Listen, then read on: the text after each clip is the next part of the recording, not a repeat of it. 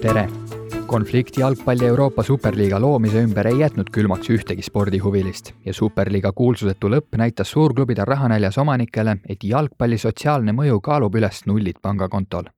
superliiga ümber toimunust rääkisime Sokkerneti ajakirjaniku Ott Järvelaga, mina olen Martin Kuti.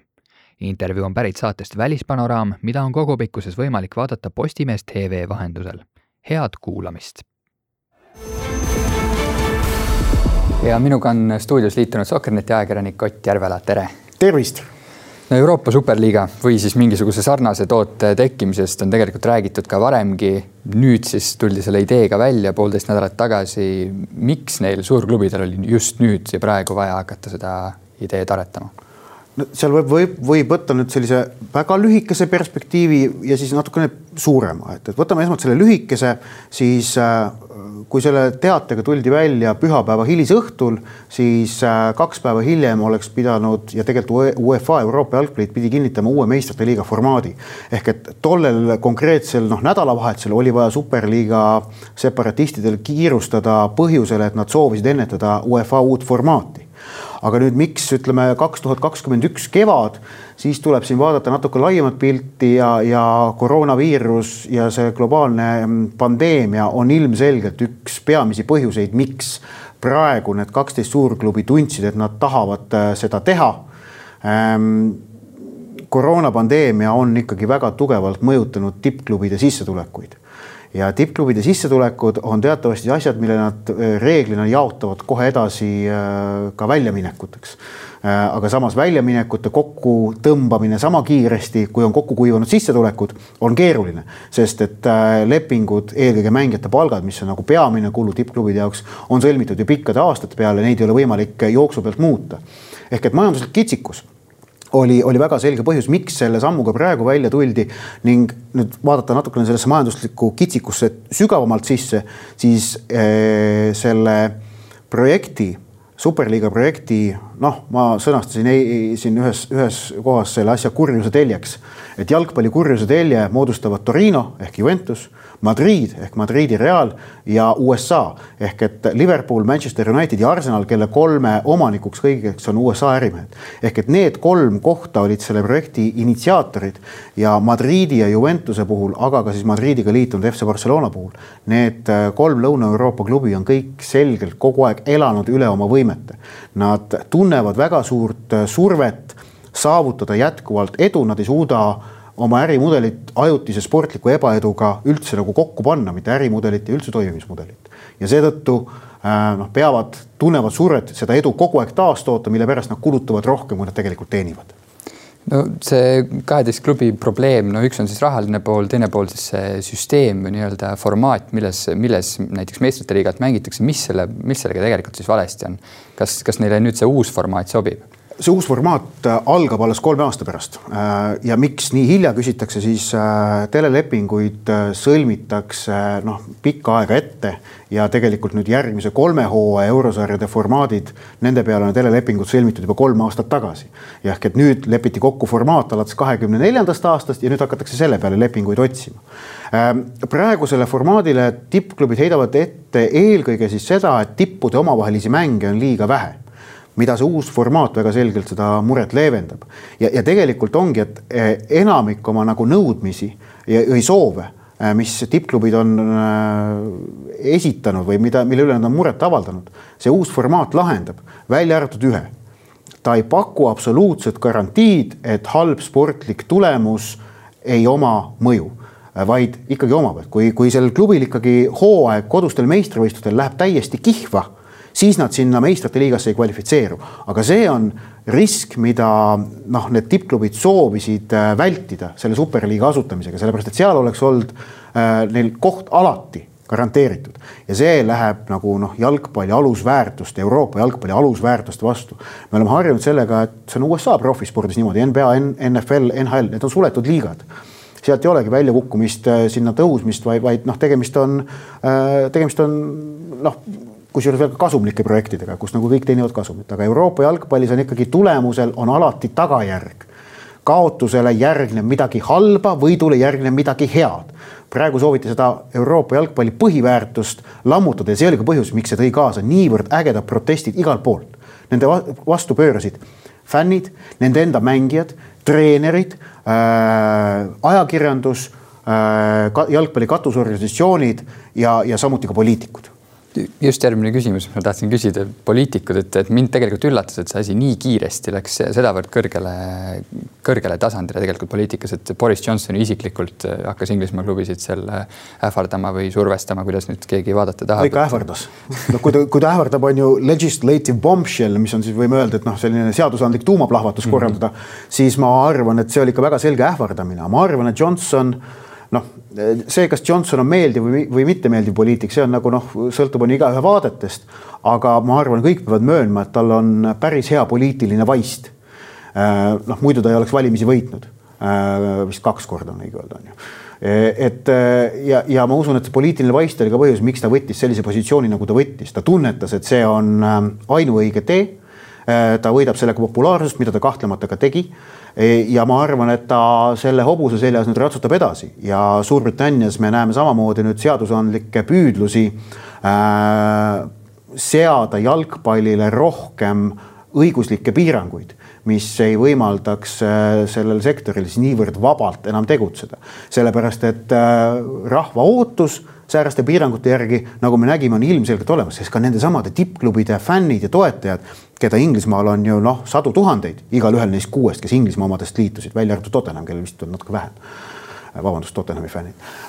et, et ka need olid ju tegelikult Johnsonit enam, enamasti toetavad selles olukorras no seda Ameerika süsteemi mainisid ka siin korra, et, et samad meeskonnad madistavad iga aasta, keegi välja ei kuku, raha tuleb kogu aeg sisse, aga samas vist saab öelda, et, et selle Euroopa äh, jalgpalli mitmekesisuse pärast just ei ole võimalik seda süsteemi siin juurutada tõenäoliselt, et nagu me vaatasime see aasta näiteks Tottenham mängis äh, Marine AFC, AFC-ga äh, karikamängu, eks, et see sellist asja ei saa juhtuda Ameerikas, et sul Houstoni eeslinna klubi mängib Houston Texansiga näiteks. jah, selle kohta öeldakse, et Ameerika need äh, profispordi tippklubid ei luba endale suvalisi kohtumisi, sest see kahjustaks nende brändi ja toodet. Aga siin kokkuvõttes ma arvan, et asi taandub ikkagi kultuurilistele erinevustele, kuidas on tekkinud tippjalgpall Euroopas, milliste orgaaniliste protsesside pealt on ta üles kasvanud. ta noh, juured on väga selgelt töölisklassi spordis, kuigi ta praegu noh, teatud osades on muutunud väga elitaarseks tooteks, aga ta on ikkagi noh, töölisklasside mäng. USA-s äh, profispordiliigad ei ole niivõrd orgaaniliselt tekkinud ja, ja no me USA-s näeme, et, et äh, sageli võistkonna asutamine ei ole mitte kogukonna otsus ja enamasti ta ei olegi kogukonna otsus, vaid ta on äriline otsus ja, ja see on nagu väga selge kultuuriline erinevus, pluss äh, see, et USA profispordiliigad toetuvad väga selgelt teatud äh, Äh, lisaks kultuurilistele omapäradele ka teatud seal, sealse ühiskonnakorralduse omapäradele. Ehk et milleks on ülikoolisport on näiteks väga tähtis, mis nagu toodavad talente sellele äh, profispordikeskkonnale nii korvpallis kui ka Ameerika jalgpallis, natukene vähem jäähokis. Äh, aga kindlasti ka pesapallis. et, et seda me seal, sellist asja Euroopas ülikoolisport ju tegelikult seda ei tee, et Euroopas ülikoolisport on hoopis midagi muud ja, ja ongi just nimelt see rohujuure tasand äh, on seotud väga otseselt ka selle tipptasandiga. et see püramiid toimib Euroopas teistmoodi, kui ta toimub USA-s ja seetõttu pole võimalik äh, seda USA profispordi mudelit Euroopasse tingimustesse vähemalt jalgpallis mitte ümber kanda ja tegelikult ega ei ole ka muudel spordialadel eriti see võimalik no neid inimesi oli küll vähe, aga mitte kõik ei pidanud seda superliiga ideed äh, maailma lõpuks ja, ja hukatuseks, et äh, väideti näiteks, et, et tegu on täitsa normaalse turumajandusega või siis ka seda, et, et on vaja lõpetada UEFA diktatuur äh, või et UEFA kardab konkurentsi. kas sa näed mingisugust iva nendes väidetes või on need pigem sellised otsitud põhjendused? Ma ei nimeta neid otsitud põhjendusteks ja kindlasti noh, on võimalik ka seda olukorda näha niimoodi. mina näen seda tõepoolest äh, väga teistmoodi, aga ma saan aru, et noh, on, on olemas ka teistsugune vaatenurk, aga, aga noh, see on väga väikene vähemus, kes tegelikult asja niimoodi näeb, kui me vaatame seda avalikkuse reaktsiooni, mis on järgnenud. Äh, tuletan meelde, et inglisekeelne jalgpalliajakirjandus äh, noh, seda eelkõige ta asub küll Suurbritannias, aga tegelikult noh, ta on, on seal ka natukene globaalsemaid ettevõtmisi. Nad on olnud aastakümneid praeguseks võib juba öelda UEFA ja FIFA suunas äh, väga kriitiline, eriti FIFA, natukene vähem ka UEFA suunas ähm,. ja antud küsimuses asus see inglisekeelne jalgpalliajakirjandus väga selgelt ühte, ühte rivvi UEFA-ga ja selle superliiga vastu. et ka see näitab, et, et noh, tegelikult see äh, nende selle superliiga projekti toetajate hulk oli ikkagi väga väike. nüüd äh, maailmavaateline küsimus, et äh, noh, et äh, kuivõrd palju ümberjagamist on ikkagi õiglane, et see on noh, igipõline maailmavaateline küsimus ja see on, aga noh, ma ise nagu arvan seda, et, et see sõltub nagu tegelikult sektorist, et või, või ka valdkonnast, et kus see on põhjendatud ja kus mitte. jalgpalli puhul tuleb, tuleb minu meelest ikkagi silmas pidada seda, et see püramiid tegelikult toimib. üks hea näide jalgpalli need kaksteist superliiga separatistlikku asutajat ähm, mitme riigi jalgpallurid käisid nende eest käimasoleval hooajal eurosarja mängudes väljakul. kahekümne kaheksa Euroopa riigi pluss veel kahekümne riigi mujalt euro, mujalt maailmast, äh, neljast erinevast maailmajaost, ainult ookeaanid polnud esindatud. ehk et neljakümne kaheksa erineva riigi jalgpallurid käisid nende kaheteistkümne klubi eest eurosarjades platsil ja järelikult kõik need nelikümmend kaheksa riiki, nende jalgpalliliidud või kohalikud omavalitsused või sealsed jalgpallikogukonnad on äh, näinud vaeva, et äh, need kaksteist äh, klubi praegu Euroopa tipus oleksid. Ja rõhutame, nad on seal ainult praegu. Manchester City, kes oli selle superliiga üks asutajaid, kakskümmend viis aastat tagasi mängis Inglismaa tugevalt kolmandas liigas. Sellise võistkonnaga nagu Killingham, mida ma arvan, välispanoraami vaatajad ilmselt pole mitte kunagi midagi kuulnud, nad olid play-off'i finaalis Killinghami vastu veel üheksakümne minutil kaotusseisus, tulid sealt välja ja said penaltitega edasi. nüüd on nad, on ju Inglismaa meistrid, kohe tulevad uuesti. et, et jalgpallis need asjad käivad ikka üles-alla, et, et ega Liverpool ja Manchester United pole ka kogu aeg olnud Inglismaa kõrgliigas, nemad on ka esiliigas käinud ja noh, Barcelona Real tõsi, ei ole kunagi väljas käinud, aga, aga Atletico ka mitte liiga kauges minevikus langes Hispaanias esiliigasse. ja noh, neid näiteid on veel ja veel ja, ja nüüd, et kas saabub maailma lõpp, kui need kaksteist klubi või, või osad neist ei ole alati tipus Torino Juventus, kui nad olid äh, kohtunike äraostmise skandaali eest karistuse said siin eelmise, äh, üle-eelmise kümnendi keskel, nad langesid üheks aastaks Itaalia esiliigasse, mängisid seal. Itaalia kõrgliigaga ei juhtunud mitte midagi, Juventus seal ei olnud ühel hooajal. või praegu AC Milani pole meistrite liigas aastaid näinud, on midagi juhtunud meistrite liigaga, ei ole no eh, majanduslikest põhjustest natukene enne rääkisime ka, need, see suur rahalaev jääb nüüd eh, saabumata, eeldusel, et see. Nendele kaheteistkümnele klubile sellisel kujul, nagu nad lootsid küll eh, aga kuivõrd sa usud, et, et see koroonakriis võiks päriselt mõjutada tippklubisid, nad päriselt ka vaataksid oma pillava nii-öelda elustiili või pillava käitumise üle ja muudaksid oma mudeleid? ma tahaks loota, et see toimib ja toimub sellepärast et puhtalt nagu äh, reaalne elu sunnib neid, neid, äh, neid klubisid, äh, neid samme astuma. Ähm, vaata, kui nad, kui nad jätkavad ja ma eelkõige pean silmas siin tõesti nüüd Hispaania klubisid, Real ja Barcelona on need kaks, kes on kõige rohkem üle oma võimete elanud, seal nii palju, kui ma olen aru saanud, seal on natukene on põhjuseks ka see, et Hispaania maksusüsteem on säärane, mis noh on tippklubide jaoks ebameeldivam võrreldes näiteks Inglismaa süsteemiga. ehk et eh, Hispaanias eh, noh, kuna tippklubidel kulud on kõrged ja, ja tööjõud on kõrgepalgaline, siis ka Hispaanias on ka maksud kõrgepalgalisele tööjõule kõrgemad, mis, mis on jalgpalliklubide jaoks on ju koormaks.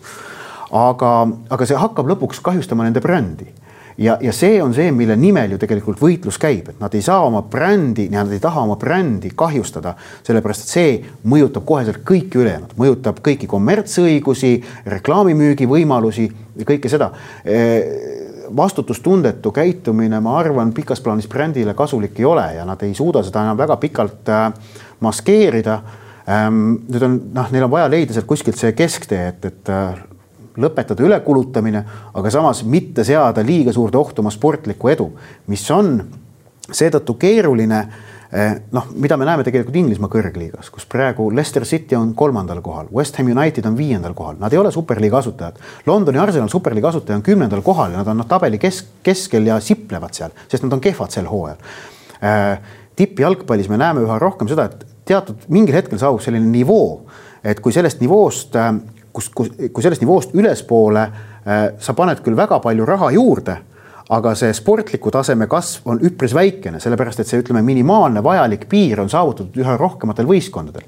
Inglismaal on see olukord säärane, kus on seal juba esikümme on selline, mille sees on noh, päris võrdne olukord.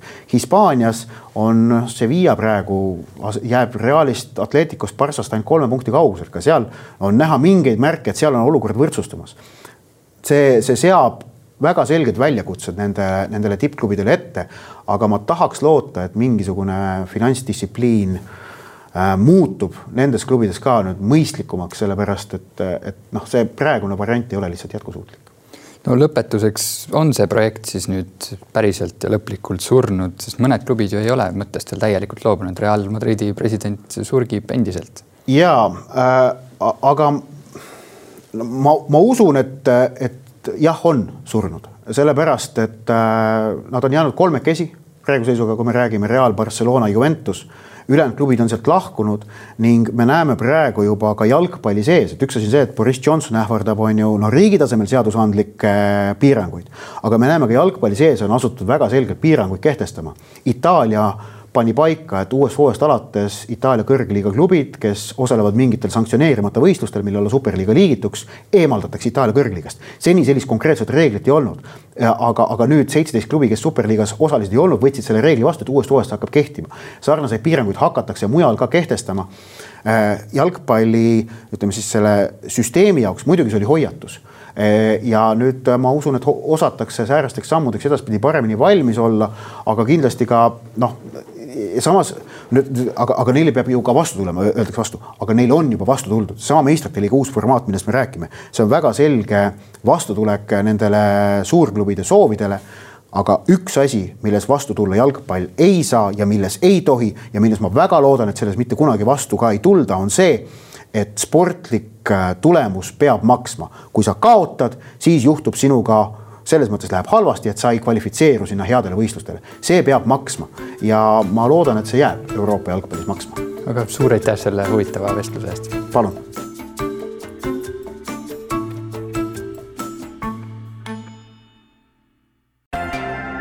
kogu saade on kuulatav Postimehe digipaketi tellijatele veebilehel podcast.postimees.ee